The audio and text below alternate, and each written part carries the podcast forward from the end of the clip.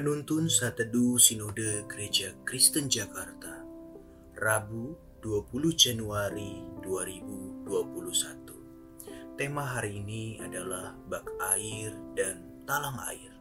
Firman Tuhan terambil dari Lukas 12 ayat 17 sampai dengan 18 Ia bertanya dalam hatinya, apakah yang harus aku perbuat sebab aku tidak mempunyai tempat di mana aku dapat menyimpan hasil tanahku. Lalu katanya, inilah yang akan aku perbuat. Aku akan merombak lumbung-lumbungku, dan aku akan mendirikan yang lebih besar, dan aku akan menyimpan di dalamnya segala gandum dan barang-barangku. Dalam kehidupan sehari-hari, kita tentu tidak asing dengan bak air dan talang air ada perbedaan yang sangat spesifik di antara keduanya.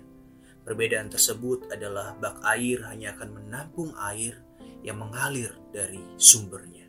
Sedangkan talang air akan mengalirkan kembali air yang telah ditampung dari aliran sumbernya. Ketika kita melihat nas hari ini, bak air bisa menjadi gambaran yang cocok dari perumpamaan akan orang kaya yang bodoh dalam ayat 17 sampai dengan 18, kita dapat melihat perumpamaan memberitahu kita yang dilakukan oleh orang kaya itu.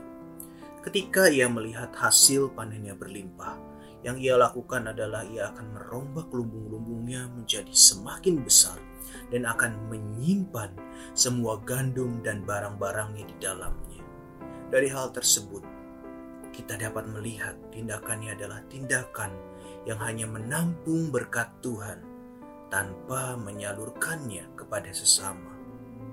Orang tersebut tidak merasa perlu ada perhatian ataupun tanggung jawab terhadap orang lain.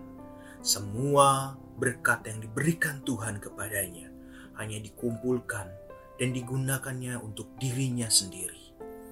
Padahal yang dikendaki oleh Tuhan adalah bukan hanya menjadi penerima berkat Tuhan, tapi juga menjadi penyalur berkatnya bagi sesama, terutama yang membutuhkan. Melalui pembacaan dan perenungan dari firman Tuhan hari ini, menjadi peringatan bagi setiap kita yang adalah murid Kristus.